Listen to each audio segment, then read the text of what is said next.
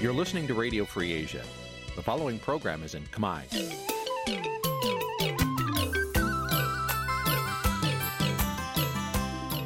នេះជាកម្មវិធីផ្សាយ Vuthu Azizi Serai នេះជាកម្មវិធីផ្សាយរបស់ Vuthu Azizi Serai ជាភាសាខ្មែរ Vuthu Azizi Serai សូមស្វាគមន៍លោកអ្នកនាងទាំងអស់ពីរដ្ឋធានី Washington នៃសហរដ្ឋអាមេរិក។ ពីរដ្ឋធានី Washington នាងខ្ញុំម៉ៅសុធានីសូមជម្រាបសួរលោកអ្នកស្ដាប់ទាំងអស់ជាទីមេត្រីចាយើងខ្ញុំសូមជូនការផ្សាយសម្រាប់ព្រឹកថ្ងៃសៅរ៍13កើតខែបុស្សឆ្នាំឆ្លូវត្រីស័កពុទ្ធសករាជ2565ហើយដល់ត្រូវនៅថ្ងៃទី15ខែមករាគ្រិស្តសករាជ2022ជាដំបូងនេះសូមអញ្ជើញលោកអ្នកនាងកញ្ញាស្ដាប់ព័ត៌មានប្រចាំថ្ងៃដែលមានមេត្តាដូចតទៅ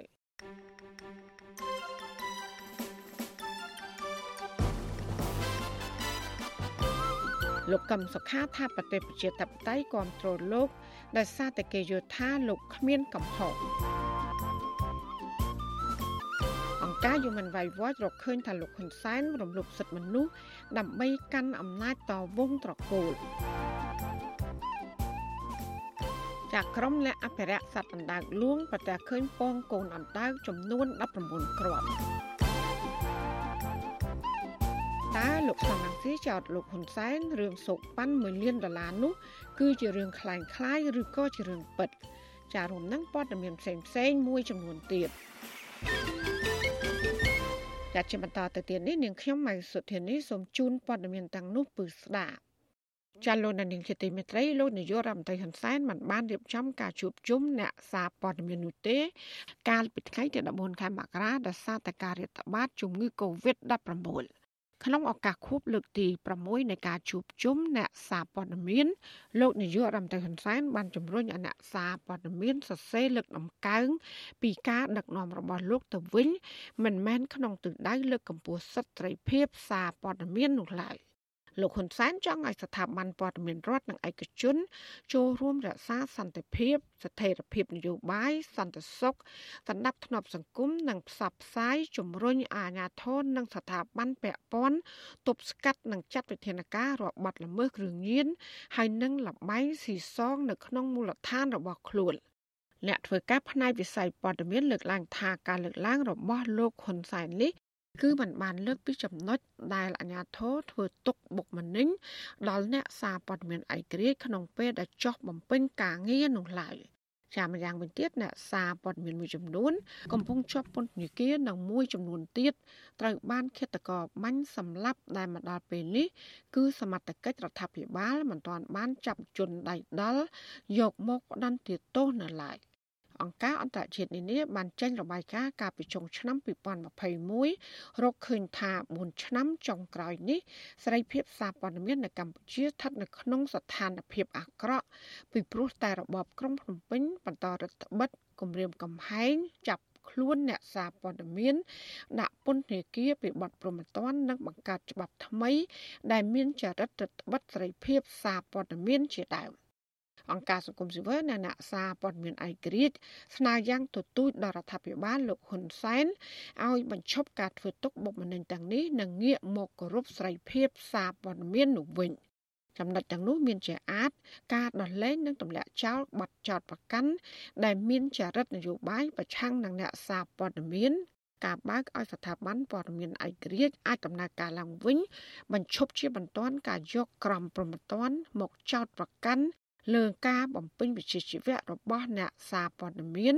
ព្រមទាំងពន្លឿនការបង្កើតច្បាប់ទាំងឡាយដែលបម្រើដល់វិស័យសារព័ត៌មាន ហើយនឹងការបញ្ចេញមតិ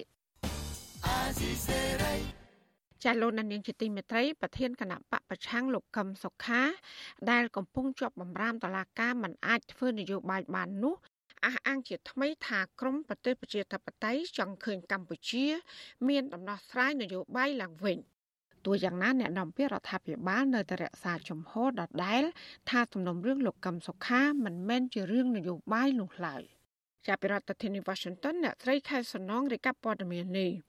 ការលើកឡើងដូចនេះរបស់លោកកឹមសុខាធ្វើឡើងក្រោយពីលោកបានជួបអង្គទូតនានាកាលពីពេលថ្មីថ្មីនេះនិងស្របពេលដែលសាលាដំបងរាជធានីភ្នំពេញក្រុងបើកសវនាការជំនុំជម្រះក្តីលោកឡើងវិញនៅសប្តាហ៍ក្រោយនេះដែរ លោកកឹមសុខាសរសេរលើ Facebook លោកថាលោកកត់សម្គាល់តាមរយៈការពិភាក្សាក្នុងជំនួបជាបន្តបន្ទាប់ជាមួយតំណាងផ្លូវការនៃប្រទេសប្រជាធិបតេយ្យពួកគេនៅតែចង់ជួយខ្មែរបន្តទៀតស្របតាមគុណតម្លៃប្រជាធិបតេយ្យសិទ្ធិមនុស្សនិងសេរីភាពលោកបន្តថាបណ្ដាប្រទេសទាំងនោះចង់ឃើញកម្ពុជា មានដំណោះស្រាយនយោបាយដោយអហិង្សា ការបង្រួបបង្រួមជាតិការគោរពសិទ្ធិមនុស្សនិងប្រជាធិបតេយ្យជាដើមដើមឆ្នាំ2022នេះ លោកកឹមសុខា បានជួបជាមួយអង្គទូតមួយចំនួន រួមមានឯកអគ្គរដ្ឋទូតបារាំងឯកអគ្គរដ្ឋទូតសាធារណរដ្ឋឆែកឯកអគ្គរដ្ឋទូតអាល្លឺម៉ង់និងឯកអគ្គរដ្ឋទូតស្ដីទីនៃគណៈប្រតិភូសហភាពអឺរ៉ុបប្រចាំកម្ពុជា និងឯកអគ្គរដ្ឋទូតអូស្ត្រាលីប្រចាំកម្ពុជាជាដើម លោកកំសុខាឲ្យដឹងដែរថាក្នុងចំណោមអង្គទូតទាំងនោះឯកអគ្គរដ្ឋទូតអូស្ត្រាលីបានសន្យាថានឹងតាមដានដំណើរការកាត់ក្តីលោកនៅក្នុងបន្ទប់សវនាការសាលាដំបងរាជធានីភ្នំពេញបានចេញដីកាកោះហៅលោកកឹមសុខាឲ្យចូលរួមសវនាការនៅថ្ងៃទី19ខែមករាខាងមុខដើម្បីជំនុំជម្រះក្តី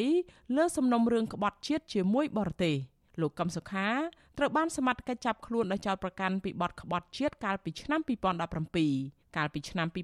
2019តុលាការបានអនុញ្ញាតឲ្យលោកអាចធ្វើដំណើរក្នុងប្រទេសប៉ុន្តែហាមធ្វើនយោបាយនិងចេញក្រៅប្រទេសជុំវិញការលើកឡើងរបស់លោកកឹមសុខាពេលនេះអ្នកនាំពាក្យរដ្ឋាភិបាលលោកផៃស៊ីផាននៅតែលើកឡើងដដែលដដែលថារដ្ឋាភិបាលមិនអាចលូកដៃចូលក្នុងសំណុំរឿងនេះព្រោះពេលនេះកំពុងស្ថិតនៅក្នុងដៃតុលាការ ទោះយ៉ាងណាលោកអះអាងថាក្រោយនីតិវិធីតុលាការចាប់សពគ្រប់លោកហ៊ុនសែនអាចស្នើលើកលែងទោសលោកកឹមសុខាបើមានការពិនិត្យឃើញថាការផ្ដាល់សេរីភាពឲ្យលោកកឹមសុខាមិនមានអ្វីឲ្យប៉ះពាល់ដល់ហានិភ័យជាតិឬសន្តិភាពសាធារណៈនោះអានេះជាសេចក្តីសម្រេចរបស់តុលាការប៉ុន្តែអ្នកដែលថានាំគ្នាចង់បាននីតិរដ្ឋក៏ប៉ុន្តែ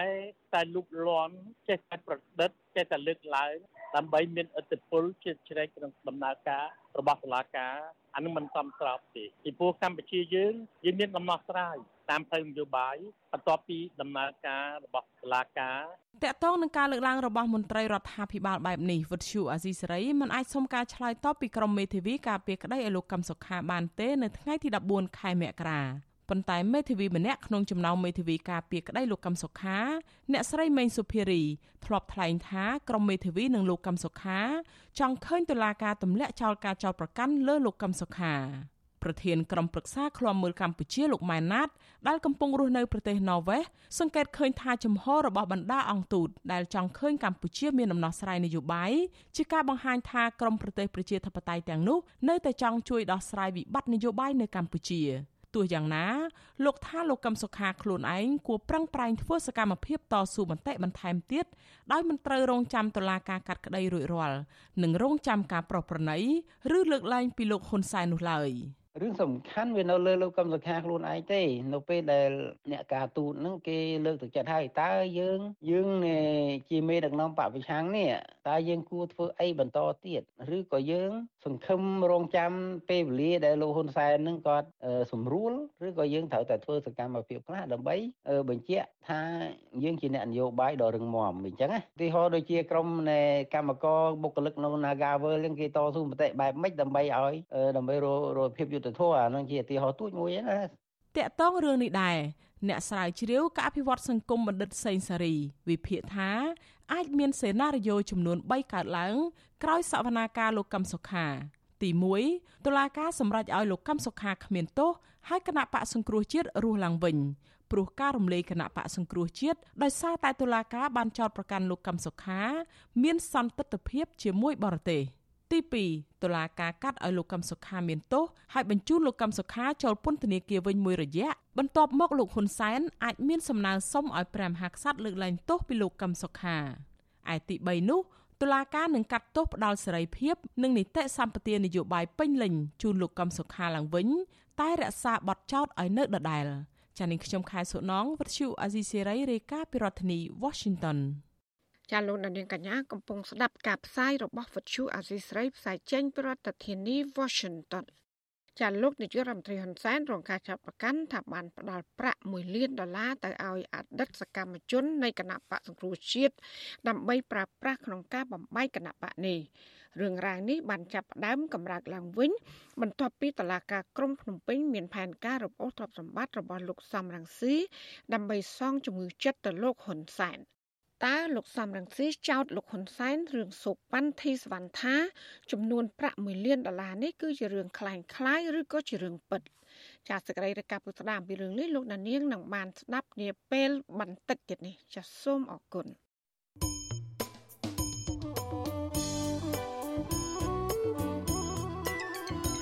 លោកនាងកញ្ញាកំពុងស្ដាប់ការផ្សាយរបស់វិទ្យុអាស៊ីស្រីផ្សាយចេញពីរដ្ឋធានី Washington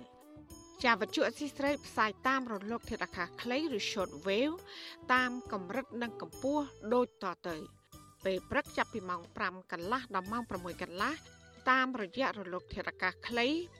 9390 kHz ស្មើនឹងកម្ពស់ 32ម៉ែត្រហើយនឹង11850 kHz ស្មើនឹងកម្ពស់ 25ម៉ែត្រ ចាសម្រាប់ពេលយប់វិញចាប់ពីម៉ោង7កន្លះដល់ម៉ោង8កន្លះគឺតាមរយៈរលកធាតុអាកាសខ្លី9390 kHz ស្មើនឹងកម្ពស់32ម៉ែត្រហើយនឹង15155 kHz ស្មើនឹងកម្ពស់20ម៉ែត្រចាសសូមអរគុណ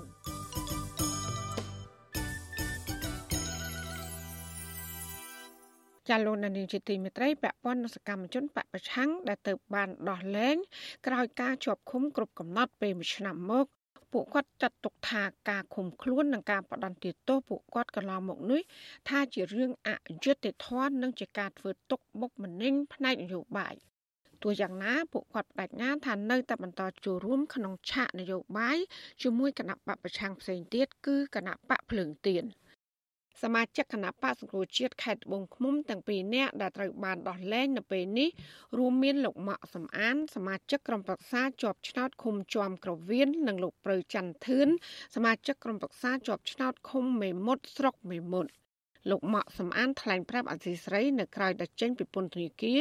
ថាលោកសោកស្ដាយដែលតឡាកាផ្ដន្ទាទោសលោកដាក់ពន្ធនាគាររយៈពេល1ឆ្នាំ ទាំងដែលលោកមិនបានប្រព្រឹត្តបទល្មើសអ្វីនោះឡើយ លោកបញ្ជាក់ថាទោះបីជាលោកបានរួចផុតពីការឃុំឃាំងក៏ដោយក៏លោកនៅតែមានអារម្មណ៍ឈឺចាប់ចំពោះករណីអយុត្តិធម៌ដែលបានកើតឡើងលើរូបលោកនេះដែរគោលបំណងដែលខ្ញុំទៅថ្ងៃ14មករា2021នេះគឺខ្ញុំទៅចាំស្ដាប់អង្គសវនាការទេមានតែប៉ុណ្ណឹងយើងអត់មានទៅធ្វើសកម្មភាពអីសោះគ្រាន់តែយើងបំណងទៅស្ដាប់អង្គសវនាការបើគេទៅចាប់យើង ទៅអានឹងជារឿងមួយដែលខ្ញុំមិនអាចទទួលយកបានខ្ញុំថាជារឿងមួយអយុត្តិធម៌ជារឿងមួយការគៀបសង្កត់សិទ្ធិសេរីភាពរបស់ខ្ញុំវិញទេបាទស្តៀងគ្នានេះលោកប្រៅច័ន្ទធឿនបានថ្កោលទោសអាញាធរនិងតុលាការដែលបានចាប់ឃុំខ្លួនលោកអស់រយៈពេល1ឆ្នាំមកនេះលោកចាត់ទុកករណីនេះថាជាការធ្វើទុកបុកម្នេញផ្នែកនយោបាយ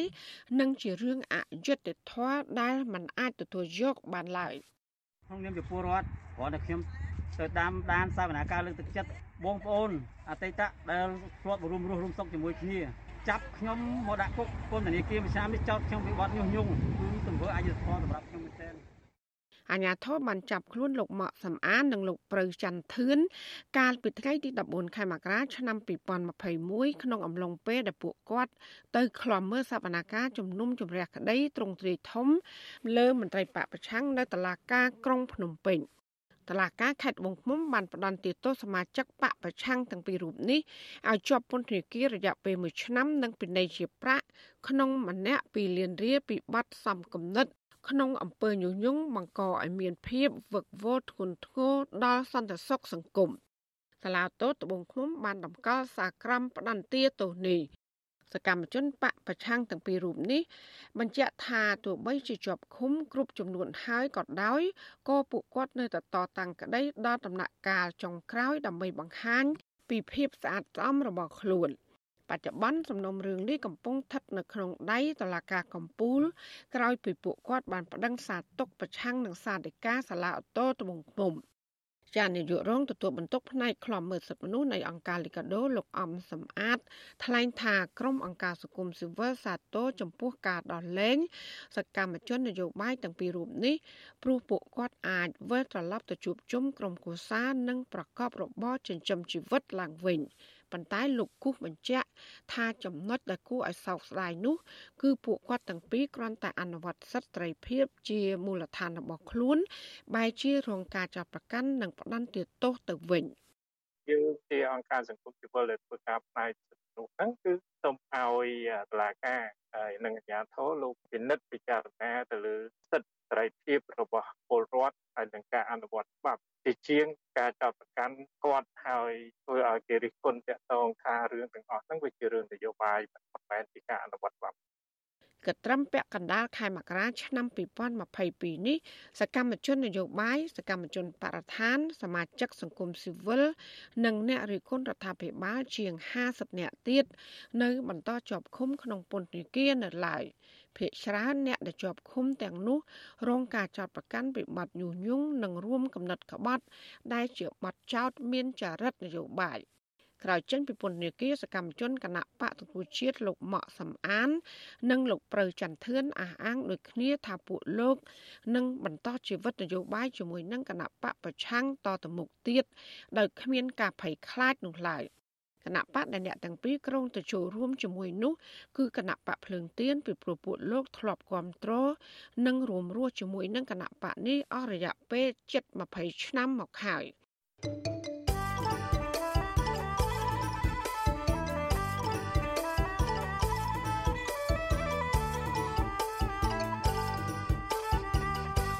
ចាលោកនាងជាទីមេត្រីអគ្គលេខាធិការនៃគណៈកម្មាធិការជាតិរៀបចំការបោះឆ្នោតកោជបលោកទេពនិថាកាលពីថ្ងៃទី14ខែមករាម្សិលមិញបានជួបជាមួយនឹងតំណាងគណៈបកនយោបាយចំនួន3និងមន្ត្រីអង្គការសង្គមស៊ីវិលដើម្បីចូលរួមពិភាក្សាលើអនុសាសន៍របស់គណៈបកនយោបាយពាក់ព័ន្ធនឹងកំណត់ហេតុនៃការរាប់សន្លឹកឆ្នោត ឬទម្រង់បែបបទ1102 គណៈបកទាំងនោះរួមមានគណៈបកប្រជាធិបតេយ្យមូលដ្ឋានគណៈបកកម្ពុជានិយមគណៈបកកែតម្រង់កម្ពុជា ហើយនិងតំណាងអង្គការ Confrel ចាសសេចក្តីប្រកាសព័ត៌មានរបស់គូជបឲ្យដឹងថាកំណត់ហេតុនៃការរាប់សន្លឹកឆ្នោតទម្រង់បែបបទ1102គណៈបកនយោបាយអាចទៅថតយកនៅមុខការិយាល័យបោះឆ្នោត នៅពេលដែលបិទផ្សាយជាសាធារណៈនិងអាចទៅទទួលយកទម្រង់បែបបទនេះពីគណៈកម្មការឃុំសង្កាត់រៀបចំការបោះឆ្នោត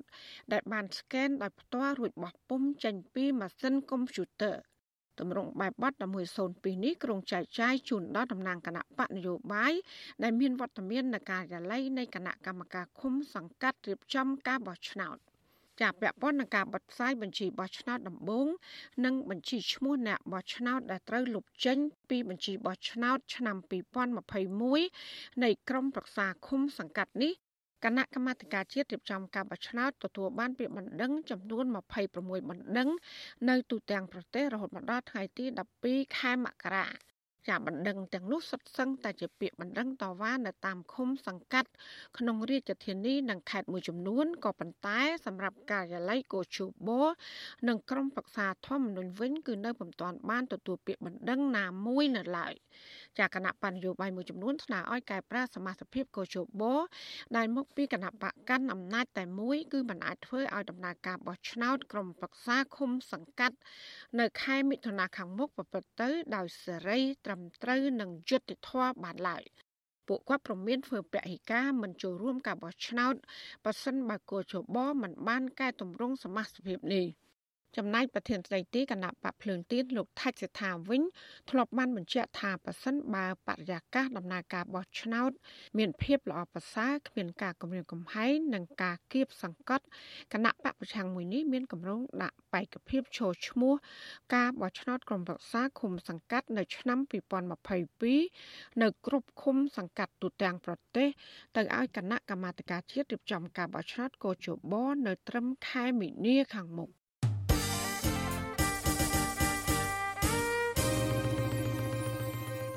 ចាលោកនានីជាទីមេត្រីក្រុមមេធាវីការពារក្តីឲ្យតំណាងសហជីព9នាក់នៃកម្មករ Nagawal បានដាក់ពាក្យប្តឹងទាស់ទៅនឹងដោយការឃុំខ្លួនរបស់សាលាដំបងរាជធានីភ្នំពេញទៅសាលាឧទ្ធរដើម្បីស្នើសុំឲ្យតុលាការជាន់ខ្ពស់មួយនេះដោះលែងអ្នកទាំងនោះឲ្យមានត្រីភាពឡើងវិញ។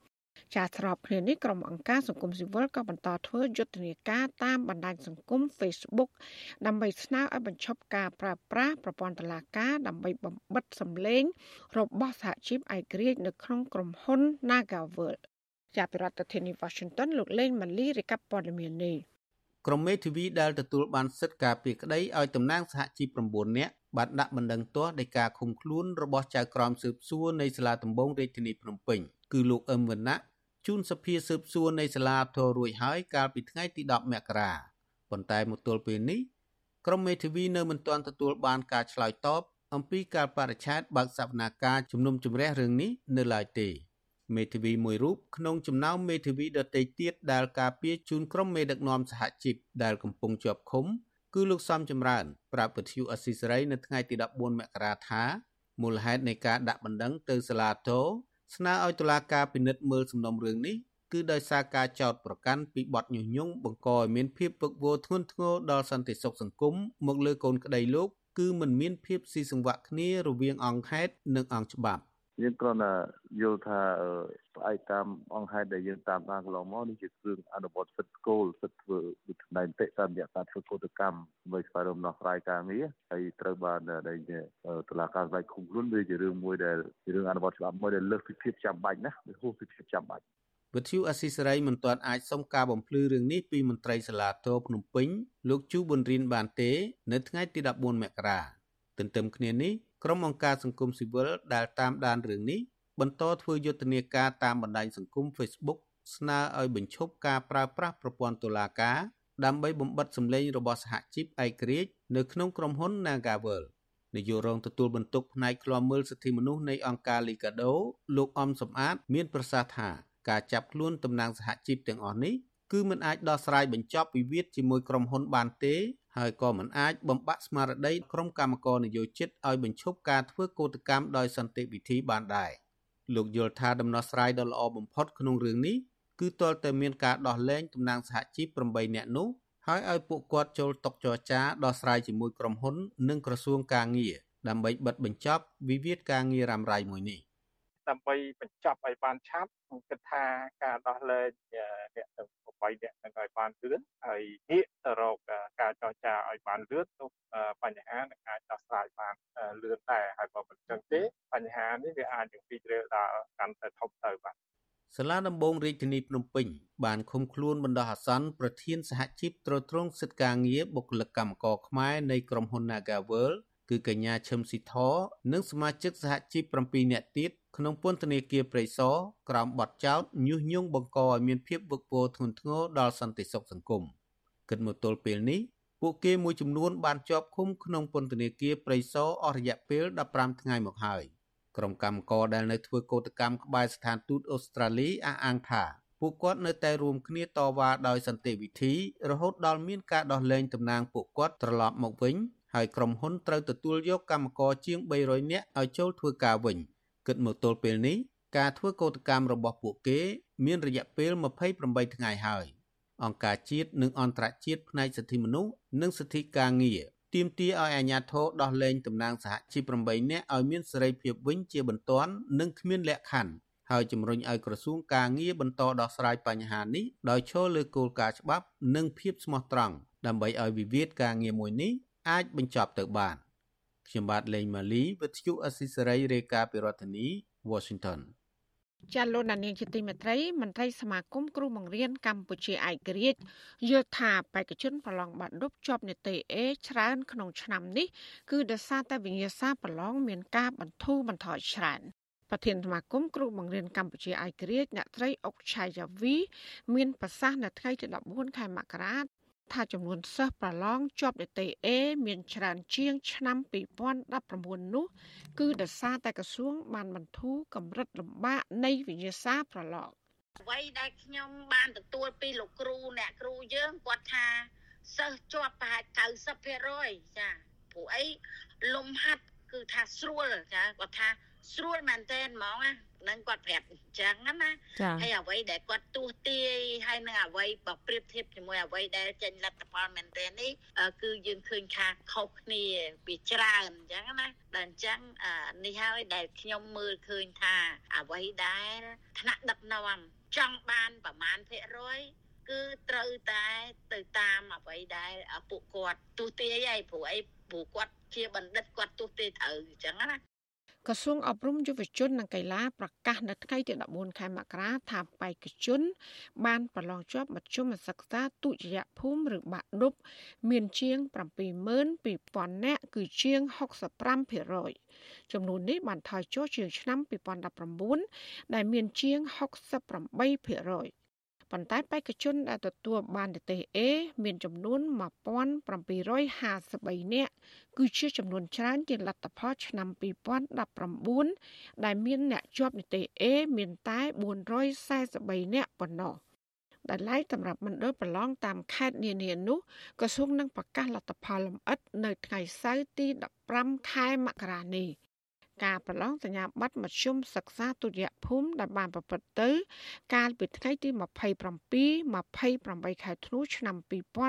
2021គឺមានបេក្ខជនសរុបចំនួនជាង110,000នាក់ទោះបីយ៉ាងណាលោកហងជួននរនរដ្ឋមន្ត្រីក្រសួងអប់រំឲ្យដឹងថាការកើនឡើងនិទេស A របស់បេក្ខជននៅឆ្នាំនេះគឺមកពីការខិតខំរៀនសូត្រនិងការគ្រប់គ្រងពីអ្នកពាក់ព័ន្ធ លើពីនេះលោកអះអាងថាដសាក្រសួងបានបន្ធូរកម្រិតលំបាកនៃវិទ្យាសាស្ត្រប្រឡងប្រមាណជា20%កាលពីឆ្នាំ2020កន្លងមកនេះក្រសួងអប់រំបានបិទមិនមានការប្រឡងទេដោយយកហេតុផលដើម្បីបង្ការការឆ្លងជំងឺ Covid-19 នៅក្នុងសហគមន៍ក្រសួងអប់រំបានតម្រេចឲ្យសិស្សថ្នាក់ទី9និងទី12ក្នុងឆ្នាំសិក្សា2019-2020ទាំងអស់ជាប់ដោយមិនមានកំណត់នេះទេ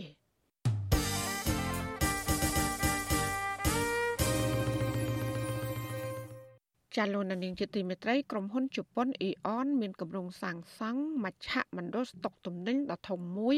នៅលើផ្ទៃដីទំហំប្រមាណ3ហិកតាស្ថិតនៅក្នុងតំបន់សេដ្ឋកិច្ចពិសេសក្បែរកំពង់ផែភៀកខាងត្បូងខេត្តបរសៃហនុ ចាគម្រោងសាងសង់នេះគ្រប់គ្រងដោយរដ្ឋាភិបាលជប៉ុន និងភ្នាក់ងារសហប្រតិបត្តិការអន្តរជាតិជប៉ុននឹងចាប់ផ្ដើមសាងសង់នៅដើមខែកុម្ភៈឆ្នាំ2022ហើយអាចនឹងបើកដំណើរការនៅឆ្នាំ2023ខាងមុខ ចាប់ប្រធានរដ្ឋបាលគ្រប់គ្រងគម្រោងនៅកំពង់ផែស្វ័យយ័តក្រុងបរសៃហនុលោកសុកកុលចន្ទាប្រាប់កាសែតភ្នំពេញប៉ុស្តិ៍ថាមជ្ឈមណ្ឌលស្តុកទំនិញជាលក្ខណៈអន្តរជាតិលើកដំបូងនៅកម្ពុជានេះគឺសម្រាប់ប្រើប្រាស់ស្តុកសម្ភារៈនិងទំនិញសពសារពើ ដែលនាំចូលពីក្រៅប្រទេស ដូចជាមកពីប្រទេសជប៉ុន សហរដ្ឋអាមេរិកនិងសហភាពអឺរ៉ុបជាដើម ដោយពុំមានបង់តម្លៃសេវានោះទេ ចាប់បន្ថែមពីនេះក្រុមហ៊ុននាំទំនិញចូលគ្រប់ប្រភេទអាចស្តុកទុកទំនិញរបស់ខ្លួនក្នុងមជ្ឈមណ្ឌលដោយមិនចាំបាច់បង់ពន្ធគយនោះទេក៏ប៉ុន្តែប៉ះសិនបើមានការបញ្ជា ឬក៏កំងទិញអំពីអតិថិជនទៅតម្រូវឲ្យបង់ពន្ធគយតិចតួចប៉ុណ្ណោះនៅពេលដែលដឹកទំនិញចេញពីឃ្លាំងចាប់ពាក់ព័ន្ធនឹងពាណិជ្ជកម្មទ្វេភាគីរបស់កម្ពុជានិងជប៉ុនវិញទិ ន្នន័យក្រសួងពាណិជ្ជកម្មបង្ហាញថាចាប់តាំងពីខែមករាដល់ខែធ្នូឆ្នាំ2021កម្ពុជាបាននាំចេញទំនិញទៅប្រទេសជប៉ុន គឺមានទឹកប្រាក់សរុបជិត1100លានដុល្លារអាមេរិកគឺកើនជាង3%បើធៀបទៅនឹងអំឡុងឆ្នាំ2020ខណៈការនាំចូលទំនិញពីប្រទេសជប៉ុនវិញ គឺមានទឹកប្រាក់សរុបជាង600លានដុល្លារហើយដែលថយចុះជិត5%បើធៀបទៅនឹងឆ្នាំ2020 ចាប្រភពដដែលបន្តថាវិនិយោគិនរបស់ជប៉ុនភាគច្រើនគឺវិនិយោគលើវិស័យឧស្សាហកម្មធនាគារសន្តាគារទេសចរសំណង់និងអចលនទ្រព្យជាពិសេសគឺវិស័យលក់រាយនៅផ្សារទំនើបវិស័យសេវាកម្មនិងវិស័យភោជនីយដ្ឋានជាដើមចំណែកឯផលិតផលសំខាន់សំខាន់ដែលកម្ពុជានាំចេញទៅប្រទេសជប៉ុន រួមមានស្បែកជើងសម្លៀកបំពាក់គ្រឿងផ្គុំអេឡិចត្រូនិកជាដើម រីឯការនាំទំនិញចូលពីប្រទេសជប៉ុនវិញ រួមមាន គ្រឿងបរិខាសម្រាប់លំនៅឋាន គ្រឿងបន្លាស់រថយន្តនិងគ្រឿងចក្រសម្រាប់វិស័យកសិកម្មជាដើមចាក្រសួងពាណិជ្ជកម្មបានបង្កើតក្រុមការងារដើម្បីសិក្សាពីលទ្ធភាពនៃកិច្ចព្រមព្រៀងពាណិជ្ជកម្មសេរីជាមួយនឹងប្រទេសជប៉ុន កម្ពុជារំពឹងថាក្រោយពីមានកិច្ចព្រមព្រៀងពាណិជ្ជកម្មនេះនឹងមានក្រុមហ៊ុនវិនិយោគិនរបស់ជប៉ុនបន្ថែមទៀតងាកមកបង្កើតរោងចក្រផលិតទំនិញនានានៅកម្ពុជា ដើម្បីនាំចេញទៅប្រទេសជប៉ុន និងប្រទេសផ្សេងផ្សេងទៀត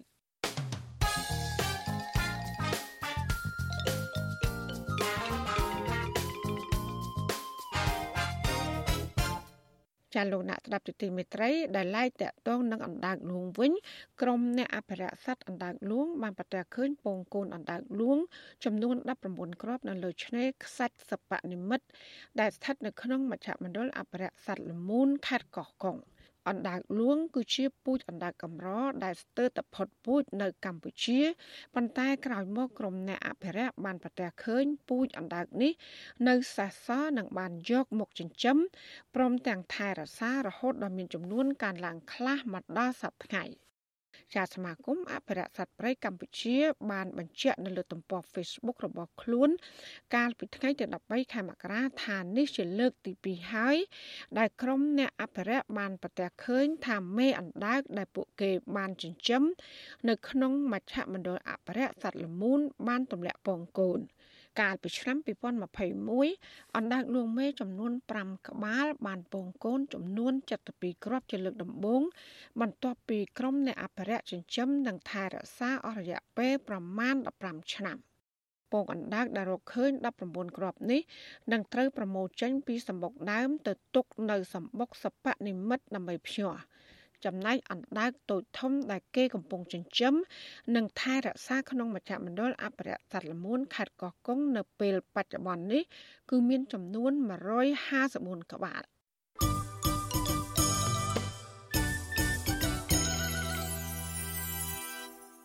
ចាលោកនានីជាទីមេត្រីកម្ពុជាបិទមិនអោយមានការនាំចូលជ្រូកពីប្រទេសថៃ និងប្រទេសវៀតណាមដើម្បីទប់ស្កាត់ជំងឺផ្ដាសាយជ្រូក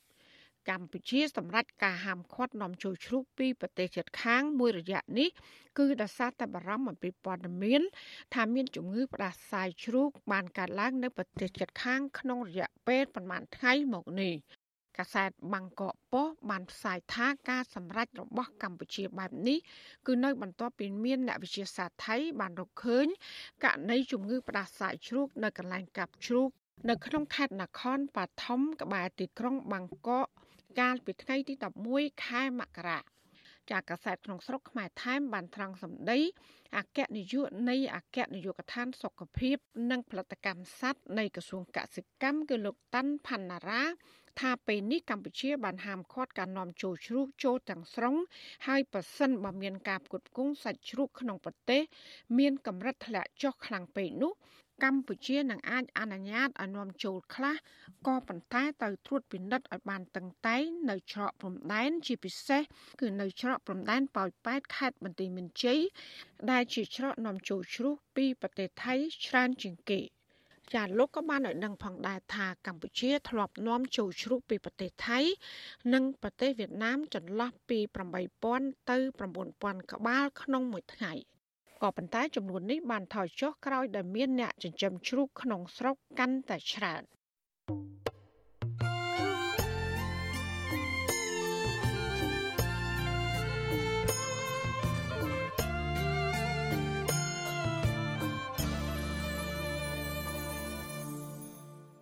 ចាលោកណានៀងជាទីមេត្រីរឿងរ៉ាវតាក់ទងនឹងការចាប់ប្រកាន់ថាលោកហ៊ុនសែនបានផ្ដល់ប្រាក់1លានដុល្លារទៅឲ្យអតីតកម្មជននៃគណៈបកសង្គ្រោះជាតិដើម្បីប្រើប្រាស់ក្នុងការបំបែកបំបាក់គណៈបកនេះបានចាប់ផ្ដើមកម្រើកឡើងវិញបន្ទាប់ពីក្រុមលោកហ៊ុនសែនមានផែនការរពលទ្រព្យសម្បត្តិរបស់លោកសំរងស៊ីជាការសងជំងឺចិត្តទៅលើការចាញ់ក្តីរបស់លោកសំរងស៊ីក្នុងសំណុំរឿងនេះនិងរឿងក្តីក្តាំដទៃទៀត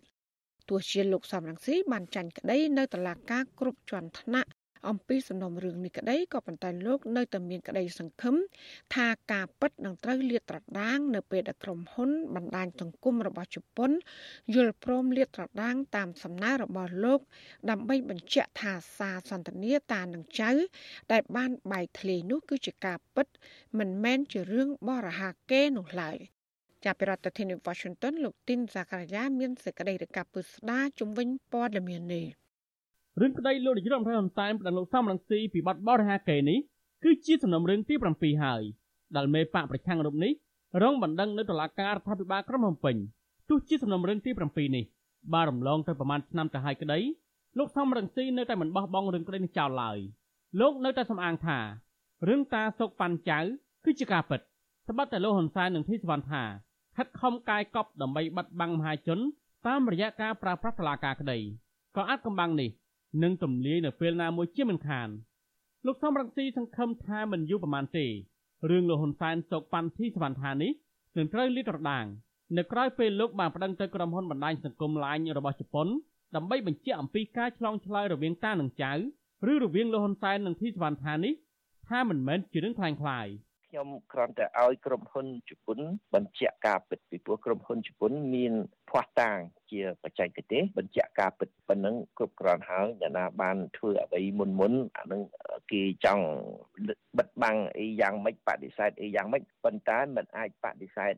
បានទេពីព្រោះភ័ស្តុតាងជាបច្ចេកទេសអត់មាននរណាទៅលុបអត់មាននរណាទៅប្រឌិតអត់មាននរណាទៅបដិសេធបានទេ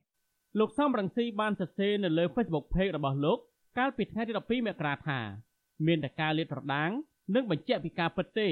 ដែលអាចផ្ដល់យុត្តិធម៌ឲ្យជនរងគ្រោះពីសំណាក់អំណាចផ្ដាច់ការដែលប៉ុនប៉ងបាត់បង់ការពិតបន្ទាប់ពីខ្លួនបានធ្វើអាក្រក់ការស្វែងរកការពិតរបស់លោកសំរងស៊ីនៅពេលនេះនៅក្រៅពីតុលាការរដ្ឋាភិបាលលហ៊ុនសែនប្រកាសបិទផ្លូវតវ៉ាកាលពីឆ្នាំ2017នេះមិនមែនជាករណីទី1ទេដែលតុលាការកាត់សេចក្តី ឲ្យលោកសំរងស៊ីចាញ់ក្តីលហ៊ុនសែននោះសំណុំរឿងលហ៊ុនសែនប្តឹងពីបទបរិហាកេពីករណីថាសោកប៉ាន់ធីសវណ្ណថានេះជាសំណុំរឿងទី7សំណុំរឿងទី7នេះក៏មិនខុសពីសំណុំរឿងមុនមុនដែរដែលលោកសំរងស៊ីបានចាញ់ក្តីនៅតុលាការទោះជាលោកមានមេធាវីការពារពូកែយ៉ាងណាក៏ដោយលោកហ៊ុនសែនប្តឹងនេះក្រោយពីលោកសំរងស៊ីបានថ្លែងកាលពីថ្ងៃទី14មករាឆ្នាំ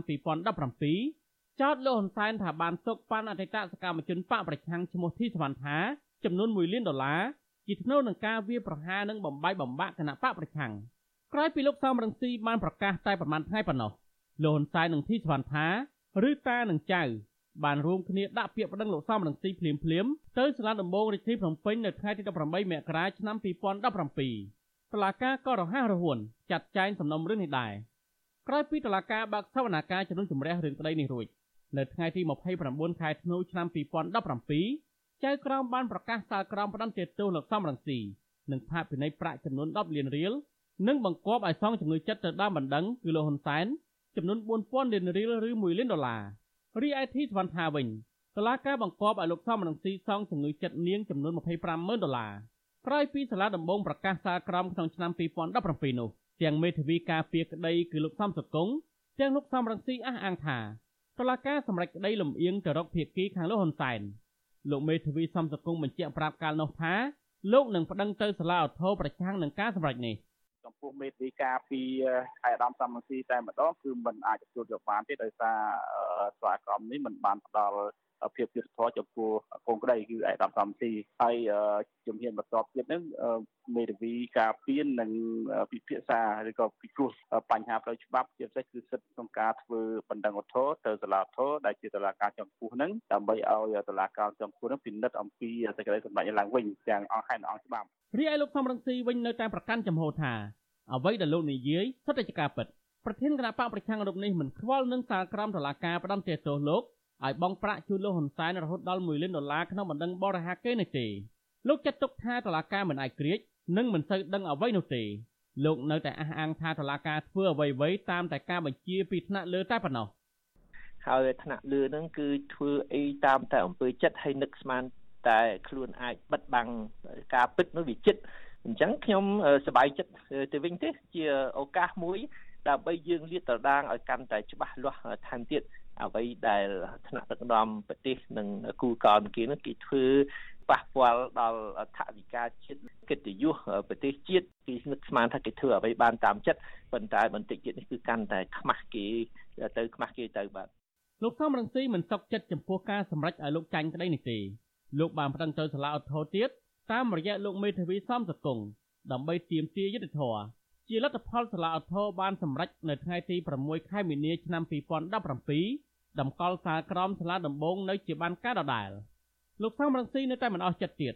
លោកបានតតាំងរឿងក្តីនេះទៅតុលាការកំពូលលទ្ធផលរបស់តុលាការកំពូលនេះក៏មិនខុសពីតុលាការទាំងពីរថ្នាក់មុនមុនដែរតុលាការកំពូលបានសម្រេចតម្កល់សាលក្រមរបស់សាលាដំបងនៅដដែលកាលពីថ្ងៃទី19ខែធ្នូឆ្នាំ2018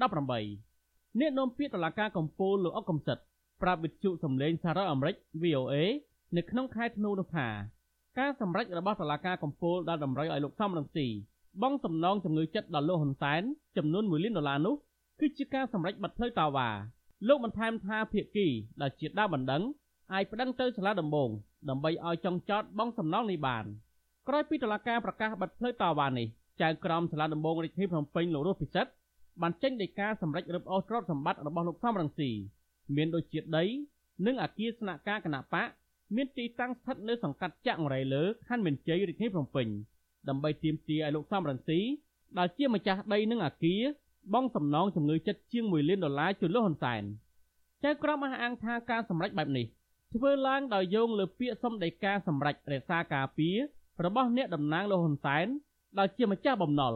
ព្រួយបារម្ភខ្លាចមិនអាចទទួលបានការសងជំងឺចិត្តនេះផ្ទាល់ពីលោកសំរងស៊ី ទោះជាលោកសំរងស៊ីប្រឈមនឹងការបាត់បង់ទីស្នាក់ការគណៈបកដែលជាទ្រព្យផ្ទាល់ខ្លួនរបស់គ្រួសារលោកបែបនេះក្តីក៏លោកមិនផ្លាស់ប្ដូរចំហដែរលោកសំរងស៊ីមានប្រសាសន៍ថារឿងតាឲ្យលុយចៅគឺជាការពិតមិនប្រឌិតឡើយដូច្នេះរឿងនេះជារឿងពិតទាំងអស់ហើយយើងក៏មានមធ្យោបាយបច្ចេកទេសឲ្យក្រុមហ៊ុនឲ្យអ្នកជំនាញខាង Facebook ខាងសារឆ្លើយឆ្លងគ្នាបណ្ដាញសង្គមនឹង គេអាចស្រាវជ្រាវហើយគេអាចបញ្ជាក់ថាសារឆ្លើយឆ្លងគ្នានេះជាសារពិតជារឿងពិតដូច្នេះអ្នកណាដែលចង់ប្តឹងខ្ញុំនោះគឺប្រហែលជាមិនសូវយល់ឬមួយក៏នឹកស្មានថាអ្នកដតីទៀតល្ងងគេអត់មានមធ្យោបាយបញ្ជាក់ការពិតតែសម័យនេះអ្នកបច្ចេកទេសអ្នកវិទ្យាសាស្ត្រអាចបញ្ជាក់ការពិតថារឿងរវាងលោកធីលោកហ៊ុនសែននិងនាងធីសវណ្ណថានោះគឺសិតតែជារឿងពិតទាំងអស់ ជាពិសេសការដែលលោកហ៊ុនសែនផ្ដល់ប្រាក់ឧបត្ថម្ភ1លានដុល្លារអាមេរិកឲ្យទៅនាងធីសវណ្ណថាឲ្យធ្វើសកម្មភាពប្រឆាំងគណៈបកសង្គ្រោះជាតិវិទ្យុអសីសេរីមិនអាចតតងធីសវណ្ណថាដើម្បីសុំការបំភ្លឺពីរឿងនេះបាននៅឡើយទេក៏ប៉ុន្តែធីសវណ្ណថាបានសរសេរនៅលើបណ្ដាញសង្គម Facebook របស់នាងឆ្លើយតបទៅលោកសំរងស៊ីជាលើកទី2ព្យាយាមបដិសេធថារឿងនេះមិនពិតនោះទេនេះជាការប្រឌិតរឿងដដាលដដាលរបស់លោកសំរងស៊ី នាងចាត់ទុកថានេះជាការរំខានហើយស្នើទៅលោកសំរងស៊ីឲ្យបំភ្លេចនាងចោលចោលរឿងធីសវណ្ណថាបដិសេធនេះមិនមែនជារឿងចម្លែកនោះឡើយកាលពីឆ្នាំ2014នៅក្នុងអំឡុងពេលនាងកំពុងតែមានសកម្មភាពគាំទ្រគណៈបកប្រឆាំងនោះនាងធ្លាប់ច្រានចោលម្ដងរួចបង្ហើយចំពោះការចោទប្រកាន់ថានាងជាចរនារីរបស់គណៈបកប្រជាជនកម្ពុជាទីសវណ្ណថាបានអះអាងនៅក្នុងបទសម្ភាសន៍ជាមួយវិទ្យុអាស៊ីសេរីកាលពីខែកុម្ភៈឆ្នាំ2014ថា នាងមិនមែនជាចរនារីរបស់លោកហ៊ុនសែននោះទេចំពោះការចោទប្រកាន់ថាជាចរនារីរបស់រដ្ឋាភិបាលឬក៏គណៈបកប្រជាជនកម្ពុជាមិនមែនជាការពិតនេះខ្ញុំសូម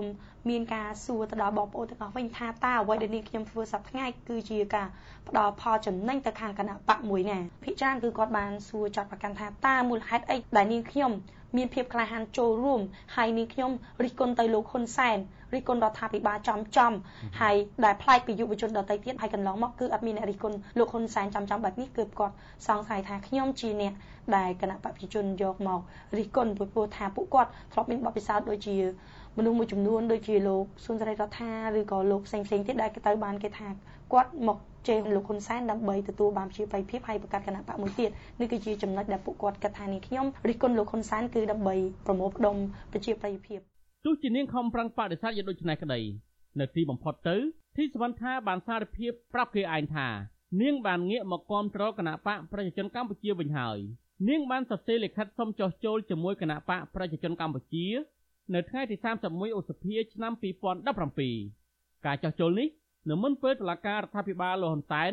រំលាយគណៈបកសង្គ្រោះជាតិតែ6ខែប៉ុណ្ណោះក្រោយពីទីសវណ្ណថាបានប្រកាសចោះចូលជាមួយគណៈបកកណ្ដាលអំណាចមកនាងបានបង្ហាញពីភាពស្និទ្ធស្នាលជាមួយក្រុមគ្រួសារលោកហ៊ុនសែនហើយសម្ព័ន្ធភាពនេះបានคล้ายទៅជាតានិងចៅទីសវណ្ណថាថែមទាំងបានបង្ហាញពីឥទ្ធិពលរបស់នាងនៅលើបណ្ដាញសង្គម Facebook ថែមទៀតផងក្រៅពីនេះ នាងបានធ្វើសកម្មភាពមនុស្សធម៌យកអំណោយទៅចែកជូនជនក្រីក្រ និងសកម្មភាពនយោបាយគ្រប់គ្រងគណៈបកប្រជាជនកម្ពុជាជាដើមនៅលើเพจផ្លូវការរបស់នាងនាងបានសរសេរបង្ហោះកាលពីថ្ងៃទី26ខែធ្នូឆ្នាំ2021បង្ហាញពីរដ្ឋផលរបស់នាងអង្គុយធ្វើជាអធិបតីនៅក្នុងកម្មវិធីទទួលសមាជិកថ្មីរបស់គណៈបកប្រជាជនកម្ពុជាទីសវណ្ណថាបានសរសេរថាថ្ងៃនេះនាងខ្ញុំបានចូលរួមពិធីប្រកាសបញ្ចូលសមាជិកថ្មីគណៈបកប្រជាជនកម្ពុជាខុំត្រៃស្លាស្រុកស្អាងជាដើម ការបញ្ចូលសមាជិកថ្មីរបស់គណៈបកកណ្ដាលអំណាចនេះដោយទៅនឹងអ្វីដែលនាងបានសន្យាជាមួយលោកហ៊ុនសែននៅក្នុងសារបាយធ្លីនោះដែរនៅក្នុងសារបាយធ្លីនោះបានសរសេរថានាងនឹងគៀកយុវជនដែលគាំទ្រគណៈបកប្រឆាំងឲ្យងាកមកគាំទ្រគណៈបកកណ្ដាលអំណាចវិញតាមរយៈការអស់ទាញយុវជនទាំងនោះឲ្យចូលរួមសកម្មភាពការងារសង្គមជាមួយនាងហើយបញ្ចុះបញ្ចូលពួកគេឲ្យងាកមកគាំទ្រគណៈបកប្រជាជនកម្ពុជាបន្តិចម្ដងបន្តិចម្ដង តើសារបាយធ្លាដែលលោកសំរងស៊ីអះអាងថាជាសាររបស់លោកហ៊ុនសែននិងធីសវណ្ណថានោះបានសរសេរឆ្លងឆ្លើយគ្នាអំពីរបៀបទទួលលុយពីលោកហ៊ុនសែនដូចម្ដេចខ្លះសារឆ្លងឆ្លើយរវាងលោកហ៊ុនសែននិងធីសវណ្ណថាអតីតយុវជនគណៈបកសង្គ្រោះជាតិដែលបានបាយធ្លាយកាលពីឆ្នាំ2016នោះបានបង្ហាញថាធីសវណ្ណថាបានទទួលលុយពីលោកហ៊ុនសែនដើម្បីរៀបចំសេណារីយ៉ូបំបីបំបាក់ផ្ទៃក្នុងគណៈបកសង្គ្រោះជាតិក្នុងសារឆ្លងឆ្លើយរវាងតានិងចៅ ធីសវណ្ណថាបានសរសេរបង្ហាញពីជំនឿរបស់នាងទៅកាន់លោកហ៊ុនសែនថាក្រោយឆ្នាំ2018បើសំរងស៊ីនិងកម្មសខាមិនបាច់បាក់គ្នាទេក៏សង្គ្រោះជាតិបែកជាពីរដែរធីសវណ្ណថាបន្តថាថ្ងៃកម្មសខាធ្លាក់ពីតំណែងចៅនឹងហៅយុវជនគណៈបកសង្គ្រោះជាតិមកជប់លៀងឲ្យផ្អើលការិយាល័យថ្មីម្ដងចៅសវណ្ណថាបន្តប្រាប់តាថាកាលពីមុនចៅចង់បំបីបំបាក់សំរងស៊ីកម្មសខានៅក្រោយឆ្នាំ2018 តែក្រោយពីតាទម្លាក់កម្មសខាចៅមើលឃើញឱកាសកាន់តែច្រើនដែលអាចបំបាច់បំបាក់ពួកគាត់ទាំងពីរបានចៅនឹងខំប្រឹងឲ្យអស់ពីលទ្ធភាពចៅនឹងធ្វើឲ្យសេណារីយ៉ូបំបាច់បំបាក់នេះឲ្យបានជោគជ័យក្នុងសារបែកធ្លាដែលទំនងជាការឆ្លើយឆ្លងរវាងចៅធីសវណ្ណថានិងតាហ៊ុនសែននេះឈ្មោះធីសវណ្ណថាសរសេរបញ្ជាក់ថានាងបានទទួលលុយចំនួន1លានដុល្លារនេះតាមរយៈខុទ្ទកាល័យរបស់លោកហ៊ុនសែនគឺលោកហូសុធីមាន3ដំណាក់កាលដំណាក់កាលទី1នាងបានសរសេររៀបរាប់ដូចតទៅ ពីថ្ងៃនេះចៅបានធ្វើកិច្ចការមួយចំនួនរួមមានចៅបានបែងចែកទុកដាក់លុយ50ម៉ឺនរួចរាល់ហើយ30ម៉ឺនដុល្លារដាក់ធនាគារចំនួន3និង20ម៉ឺនទៀតដាក់ទូដាច់ទុកប្រើបន្ទាន់រៀបចំកាមេរ៉ាសុវត្ថិភាពទ្វារសុវត្ថិភាពនិងអង្គរៈផ្ទាល់ខ្លួនរួចរាល់ហើយចៅបានតែងតាំងរចនាសម្ព័ន្ធការងារថ្នាក់កម្ពុជា12នាក់ទទួលខុសត្រូវរួមផ្សេងៗគ្នាក្នុងចំណោម12នាក់នោះមានតែ5នាក់ទេដែលចៅទុកចិត្តខ្លាំងទទួលបន្ទុកផ្នែកសុវត្ថិភាពចៅនិងផ្នែកហិរញ្ញវត្ថុ ដែលពួកគេភាគច្រើនជាសមាជិកគ្រួសាររបស់ចៅដំណាក់កាលទី2លោកហ៊ុនសែនបានផ្ដល់លុយឲ្យធីសវណ្ណថាចំនួន30ម៉ឺនដុល្លារថែមទៀតសារបាយធ្លាដដែលនេះបង្ហាញថាលោកហ៊ុនសែនបានសរសេរទៅធីសវណ្ណថាអំពីរឿងលុយនេះក្នុងសារនោះបញ្ជាក់ថាព្រឹកនេះអ៊ំសុធីយកលុយទៅប្រគល់ឲ្យចៅចំនួន30ម៉ឺនដុល្លារសារនោះបន្តថាតានៅចិត្តចៅជានិច្ចតាមជួយចៅពេលចៅត្រូវការតាជួយចៅអាចតតងអ៊ំសុធីតាម Telegram ឬ WhatsApp ទីសវណ្ណថាត្រូវគេស្គាល់ថាជាក្រុមយុវជនដែលគាំទ្រគណៈបកប្រឆាំងកាលពីពេលបោះឆ្នោតឆ្នាំ2013ដ៏លេចធ្លោម្នាក់ក្នុងចំណោមយុវជនគាំទ្រគណៈបកសង្គ្រោះជាតិដទៃទៀតនៅពេលលោកសំរងស៊ីនិងលោកកម្មសខាដឹកនាំធ្វើបាតកម្មមិនទទួលស្គាល់លទ្ធផលបោះឆ្នោតហើយបានទាមទារឲ្យរដ្ឋស្លឹកឆ្នោតឡើងវិញនោះទីសវណ្ណថាបានចូលរួមយ៉ាងសកម្មជាមួយគណៈបកប្រឆាំងដែរនៅពេលនោះតែក្រោយមកនាងបានងាកទៅជិតស្និទ្ធជាមួយលោកហ៊ុនសែនដែលបានក្លាយទៅជាតានឹងចៅវិញ ទោះជាធីសវណ្ណថាធ្លាប់ជារិះគន់លោកហ៊ុនសែនតាមបណ្ដាញសង្គមឥតសំចៃមាត់យ៉ាងណាក៏ដោយលោកហ៊ុនសែនបានព្យាយាមទាញយកធីសវណ្ណថានេះនៅស្របពេលគណៈបកប្រជាជនកម្ពុជាកំពុងតែធ្លាក់ចុះប្រជាប្រិយភាពខ្លាំងជាស្ដែងលទ្ធផលរបស់ឆ្នាំខុំសង្កាត់កាលពីឆ្នាំ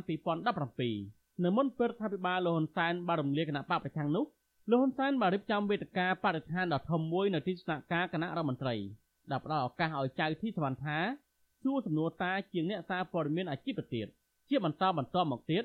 ទំនាក់ទំនងរវាងលោកហ៊ុនសែននិងធីសវណ្ណថាកាន់តែជិតស្និទ្ធហើយនាងបានចាប់ផ្ដើមវាយប្រហារគណៈបកប្រឆាំងកាន់តែខ្លាំងនិងលើកសរសើរពីស្នាដៃដឹកនាំរបស់តាទៅវិញខុសពីអ្វីដែលនាងធ្លាប់រិះគន់លោកហ៊ុនសែនកាលពីមុននាងក៏បានបង្ហាញទ្រព្យសម្បត្តិនិងឡានទំនើបទំនើបរបស់នាងដែរងាកមករឿងលុយដែលលោកហ៊ុនសែនផ្ដល់ឲ្យធីសវណ្ណថាដើម្បីបង្ក្រប់ចំនួន1លានដុល្លារវិញគឺលោកហ៊ុនសែនផ្ញើទៅឲ្យនាងនៅដំណាក់កាលទី3លោកហ៊ុនសែនបានសរសេរប្រាប់ឲ្យធីសវណ្ណថា ទៅយកលុយពីលោកហូសុធីដោយដែលបានធ្វើកាលពីលើកមុនមុនដែរនៅដំណាក់កាលទី3នេះគឺចំនួន20ម៉ឺនដុល្លារទៀតដែលជាដំណាក់កាលចុងក្រោយក៏ប៉ុន្តែទីកន្លែងប្រគល់លុយនោះមិនមែនជាទីកន្លែងចាស់ដល់ទីសវណ្ណថាធ្លាប់ទទួលលុយពីលោកហូសុធីនោះទេនេះបើផ្អែកតាមសារសន្ទនាដដែលនោះសារនោះលោកហ៊ុនសែនបានសរសេរប្រាប់ទៅទីសវណ្ណថាថាលើកនេះចៅមិនបាច់ជួលមកទៀតទេនាំគេសង្ស័យអ៊ំសុធីនឹងយកលុយទៅប្រគល់ឲ្យចៅនៅកន្លែងណាមួយតាមការណាត់គ្នា ទីសវណ្ណថាបានសរសេរតបទៅលោកហ៊ុនសែនវិញថាអរគុណតាពេលនេះចៅទទួលអារម្មណ៍ថាចៅទទួលបានកម្លាំងធម៌ពលពេញបរិបូរណ៍ហើយទីសវណ្ណថាសន្យានឹងលោកហ៊ុនសែនថាគ្រប់ការងារទាំងអស់នឹងទទួលបានជោគជ័យ100%តែចៅនៅតែត្រូវការកម្លាំងជំនួយពីតាជានិច្ចទាំងកម្លាំងស្មារតីកម្លាំងប្រាជ្ញាកម្លាំងចិត្តនិងកម្លាំងថវិកាជាដើមសារសន្ទនាដែលបានបែកធ្លាយរវាងលោកហ៊ុនសែននិងធីសវណ្ណថានិយាយអំពីការផ្ដាល់លុយចំនួន1លានដុល្លារនេះ គឺក្នុងចំណោមសារសន្ទនានិយាយពីរឿងផ្សេងៗទៀតជាច្រើនដែលមានប្រមាណជា400សារក្រោយពីធីសវណ្ណថាបានទទួលលុយពីលោកហូសុធីជាលើកទី3នេះហើយលោកហ៊ុនសែនបានសរសេរទៅសួរសវណ្ណថាដោយខ្លាចនាងអអន់សពុនចិត្តដោយសារតែលោកហូសុធីតម្រូវឲ្យនាងចុះហត្ថលេខាលើក្រដាសក្នុងពេលទទួលប្រាក់នោះលោកហ៊ុនសែនបានសរសេរថាចៅកំខឹងនឹងអ៊ំសុធីដែលឲ្យចៅចុះហត្ថលេខានឹងថតពេលចៅទទួលថវិកាពីព្រោះគាត់កាន់លុយត្រូវមើលរបាយការណ៍លោកហ៊ុនសែនសួរបញ្ជាក់ទៅនាងថា ចៅអន់ចិត្តអត់ធីសវណ្ណថាបានឆ្លើយនៅក្នុងសារតបទៅវិញភ្លាមភ្លាមថា ចៅយល់មិនអីទេតា ចៅមិនខឹងឬមិនអន់ចិត្តទេតែចៅខ្លាចគាត់ខឹងវិញទេព្រោះចៅសញ្ញេភ្លេចដាក់ឈ្មោះចាំលើកក្រោយចៅមិនភ្លេចដាក់ឈ្មោះទៀតទេសារបែកធ្លាយដដាលឲ្យដឹងថាលោកហ៊ុនសែនបានសួរទៅធីសវណ្ណថាទៀតថាបើសិនជាចៅត្រូវការយកទុនទៅទុកឲ្យហើយតានឹងបញ្ចូល60ម៉ឺនដុល្លារបន្ថែមទៀតធីសវណ្ណថាហាក់ឆ្លើយមិនចំទេដោយនាងគ្រាន់តែឆ្លើយថា អរគុណតា ដែលជឿទុកចិត្តចៅខ្ញុំទីនសាការីយ៉ាអសិសរីប្រធានីវ៉ាស៊ីនតោន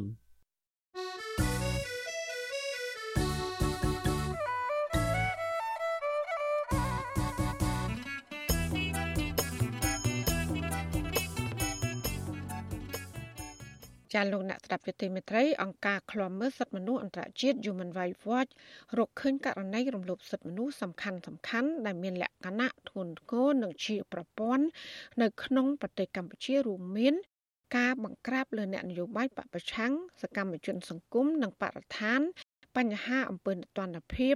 ហើយនឹងការបង្កើតច្បាប់រដ្ឋបិទសិទ្ធិមនុស្សជាមូលដ្ឋានជាដើម។ ក៏ប៉ុន្តែមន្ត្រីរដ្ឋាភិបាលចាត់ទុករបាយការណ៍នេះថាមិនឆ្លោះបញ្ចាំងពីការពិតនិងជាការលាបពណ៌លើរដ្ឋាភិបាលកម្ពុជាទៅវិញចាប់ពីរដ្ឋធានី Washington លោកលេងម៉ាលីមានសេចក្តីរាយការណ៍ពុស្ដាជំនាញព័ត៌មាននេះដូចតទៅអង្គការឃ្លាំមើលសិទ្ធិមនុស្សអន្តរជាតិ Human Rights Watch លើកឡើងថានៅមុនការបោះឆ្នោតឃុំសង្កាត់និងបោះឆ្នោតជាតិឆ្នាំ2022និងឆ្នាំ2023 លោកនាយករដ្ឋមន្ត្រីហ៊ុនសែនដែលមានផែនការកាន់អំណាចតវងត្រកូល បានឆ្លៀតប្រើវិធានការទប់ស្កាត់ជំងឺ Covid-19 កាន់តែអាក្រក់ទៅអាក្រក់ទៅដើម្បីគ្រប់គ្រងតាមបែបផ្ដាច់ការដោយមានការប្រើការរឹតបន្តឹងបន្ថែមទៀតនៅសិទ្ធិជាមូលដ្ឋានរបស់ពលរដ្ឋសិទ្ធិនយោបាយនិងការបរាជ័យការពារសិទ្ធិសង្គមនិងសេដ្ឋកិច្ចនៃក្រុមជនពិការ។ លើសពីនេះរដ្ឋាភិបាលរបស់លោកហ៊ុនសែនបានចេញអនុក្រឹត្យនិងអនុម័តច្បាប់ថ្មីៗពាក់ព័ន្ធនឹងកូវីដក្នុងន័យទូលំទូលាយដែលអាចដាក់ទោសអ្នកបំពានវិធានការកូវីដរហូតដល់20ឆ្នាំ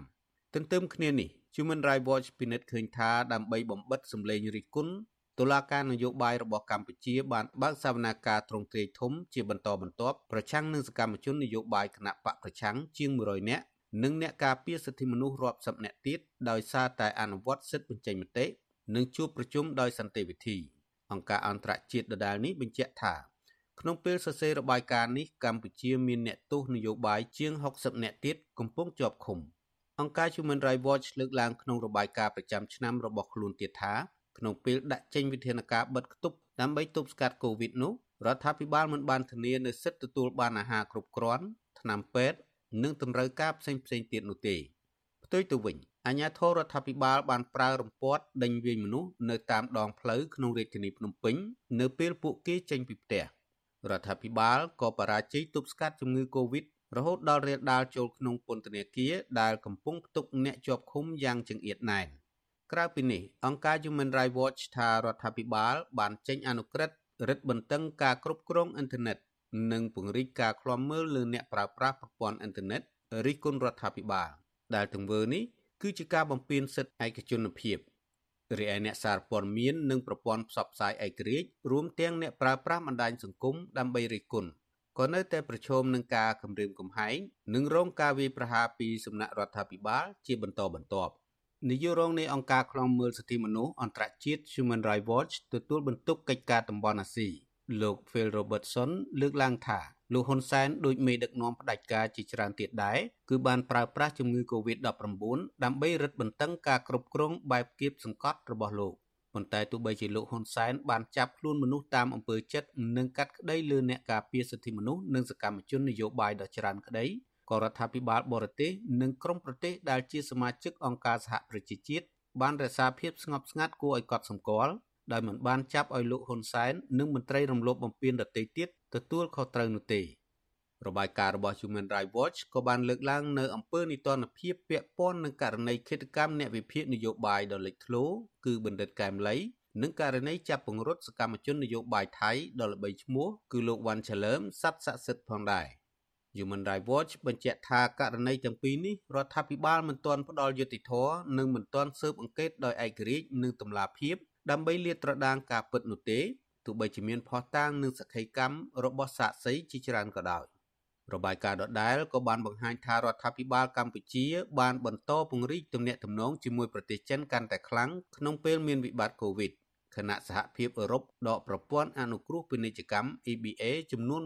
20%ដោយសារតែការរំលោភបំពានសិទ្ធិមនុស្សនិងប្រជាធិបតេយ្យឆ្លើយតបនឹងករណីនេះ សមាជិកនិងអ្នកនាំពាក្យគណៈកម្មាធិការសិទ្ធិមនុស្សរបស់រដ្ឋាភិបាលលោកកតាអូនថ្លែងថាកម្ពុជាមានទំនាក់ទំនងល្អជាមួយចិនព្រោះចិនផ្ដល់ជំនួយច្រើនចំពោះសំណុំរឿងឃាតកម្មបណ្ឌិតកែមលីវិញលោកអះអាងថាបានបញ្ចប់រួចហើយដោយជនល្មើសកំពុងជាប់ឃុំអស់មួយជីវិតលោកកតាអូនបន្តថាសម្រាប់ការទប់ស្កាត់ជំងឺ Covid-19 វិញ រដ្ឋាភិបាលបានខិតខំរៀបចំច្បាប់ និងដាក់ចេញវិធានការផ្សេងៗគឺដើម្បីការពារអាយុជីវិតប្រជាពលរដ្ឋដោយគ្មានចេតនាបំបិទសិទ្ធិជាមូលដ្ឋានរបស់ប្រជាពលរដ្ឋនោះទេលោកថាដោយសារតែការទប់ស្កាត់កូវីដនេះបានជោគជ័យរដ្ឋាភិបាលក៏ត្រៀមរៀបចំការបោះឆ្នោតស្របតាមគោលការណ៍ប្រជាធិបតេយ្យដែរគណៈគណៈបកនយោបាយនានាកំពុងធ្វើសកម្មភាពរៀងៗខ្លួនដោយសេរី លោកចាត់ទុករបាយការណ៍របស់អង្គការ Human Rights Watch ថាជាការបំភ្លឺនិងជាការលាបពណ៌លើរដ្ឋាភិបាលដោយអយុត្តិធម៌ យើងឃើញថាសកម្មជនបរិស្ថានក្តីសកម្មជនគណៈបញ្ញយោបាយសកម្មជនអង្គការសង្គមស៊ីវិលមួយចំនួនតូចហ្នឹងគឺពួកគាត់បានប្រើប្រាស់សិទ្ធិសេរីភាពដ៏ខុសឆ្គងបានប្រើប្រាស់សិទ្ធិសេរីភាពដ៏ហួសព្រំដែនរំលោភបំពានច្បាប់ធ្វើឲ្យប៉ះពាល់ដល់កិត្តិយសលេខក្នុងអ្នកដទៃធ្វើឲ្យខូចសំណាប់នាំសាធារណៈដូច្នេះចំអញ្ចឹងគឺត្រូវតែទទួលខុសត្រូវចំពោះច្បាប់ហើយអានឹងហើយយើងហៅថាគ្មាននិតិរដ្ឋភាពទេហើយក៏គ្មានស្តង់ដារ2នៃការអនុវត្តច្បាប់ហើយក៏គ្មានស្តង់ដារ2នៃសំណួរដែរ ដូច្នេះបុគ្គលគ្រប់រូបដែលប្រព្រឹត្តខុសត្រូវទទួលខុសត្រូវចំពោះមុខច្បាប់ដូចគ្នាយើងអត់មានហេតុផលអ្វីទៅឲ្យក្រុមសកម្មជនទាំងនោះប្រព្រឹត្តខុសឲ្យរួចខ្លួនទេដោយការចង់បានរបស់ Human Rights Watch ឬមួយក៏របស់អង្គការផ្សេងផ្សេងទោះជាយ៉ាងណាក្តីនាយករងទទួលបន្ទុកផ្នែកឃ្លាំមើលសិទ្ធិមនុស្សនៃអង្គការ Liga do លោកអំសំអាត មានប្រសាសន៍ថាស្ថានភាពនយោបាយសិទ្ធិមនុស្សនិងប្រជាធិបតេយ្យនៅកម្ពុជាមិនទាន់ល្អប្រសើរនៅឡើយទេដូច្នេះហើយ ទើបក្រុមអង្គការជាតិនិងអន្តរជាតិបន្តរិះគន់បែបនេះ ការឆ្លុះបញ្ចាំងមកវិញយើងឃើញថាកន្លងមកភាពរដ្ឋបတ်លំហសេរីភាពជីវូឋានរបស់ប្រជាពលរដ្ឋជាសេរីភាពរបស់អង្គការសង្គមស៊ីវិលសហជីពសហគមន៍សេរីភាពក្នុងការបញ្ចេញមតិសេរីភាពក្នុងការជួបជុំការប្រមូលផ្ដុំដោយសន្តិវិធីសេរីភាពចូលរួមក្នុងជីវភាពនយោបាយជាដើមគឺមានភាពរដ្ឋបတ်និងភាពប្រឈមច្រើនអញ្ចឹងហើយការឆ្លុះបញ្ចាំងមកវិញមើលឃើញថាស្ថានភាពសិទ្ធិមនុស្សនៅកម្ពុជានឹងនៅតែមានការធ្លាក់ចុះដែលមិនទាន់មានភាពល្អប្រសើរឡើងវិញទៅឡើយទេអញ្ចឹងបានយើងឃើញថាទាំងអង្គការសិទ្ធិមនុស្សជាតិអង្គការអន្តរជាតិក៏ដូចជាក្រុមប្រឹក្សាសិទ្ធិមនុស្សអង្គការសហជីវជាតិទាមទារឲ្យមានការកែលម្អឲ្យមានភាពល្អប្រសើរឲ្យសមស្របទៅតាមរដ្ឋធម្មនុញ្ញស្ថានភាពប្រជាធិបតេយ្យនិងសិទ្ធិមនុស្សបានធ្លាក់ចុះដុនដាបចាប់តាំងពីការរំលាយគណៈបកសង្គ្រោះជាតិឆ្នាំ2017មកនិងស្របពេលដែលលោកហ៊ុនសែនកំពុងត្រួសត្រាយផ្លូវដើម្បីផ្ទេរអំណាចដល់កូនប្រុសច្បងរបស់លោក គឺលោកហ៊ុនម៉ាណែតប៉ុន្តែក្រុមអង្គការសង្គមស៊ីវិលជាតិនិងអន្តរជាតិនៅតែបន្តទាមទារឲ្យរដ្ឋាភិបាលលុបច្បាប់ដែលមានលក្ខណៈរដ្ឋបិទសិទ្ធិជាមូលដ្ឋានរបស់ប្រជាពលរដ្ឋបើកលំហសេរីភាពនិងប្រជាធិបតេយ្យព្រមទាំងដោះលែងសកម្មជនទាំងឡាយដែលកំពុងជាប់ឃុំដោយសារមូលហេតុនយោបាយឡើងវិញពួកគេលើកឡើងថាមានតែការធ្វើបែបនេះទេទើបអាចធ្វើឲ្យស្ថានភាពស្រុកទេសជៀសផុតពីទណ្ឌកម្មបន្ថែមទៀតពីសហគមន៍អន្តរជាតិ ខ្ញុំបាទលេងម៉ាលីវិទ្យុអស៊ីសេរីរាយការណ៍ពីរដ្ឋធានី Washington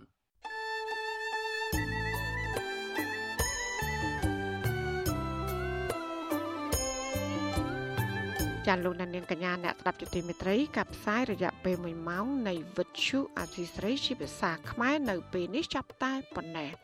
ចាយើងខ្ញុំទាំងអស់គ្នាសូមជូនពរលោកនាងព្រមទាំងក្រុមគូសាទាំងអស់សូមជួបប្រកបតែនឹងសេចក្តីសុខសេចក្តីចម្រើន ជានិរន្តរ៍ចានាងខ្ញុំម៉ៃសុធានីព្រមទាំងក្រុមការងារទាំងអស់នៃវិទ្យុអសីស្រីសូមអរគុណនិងសូមជម្រាបលា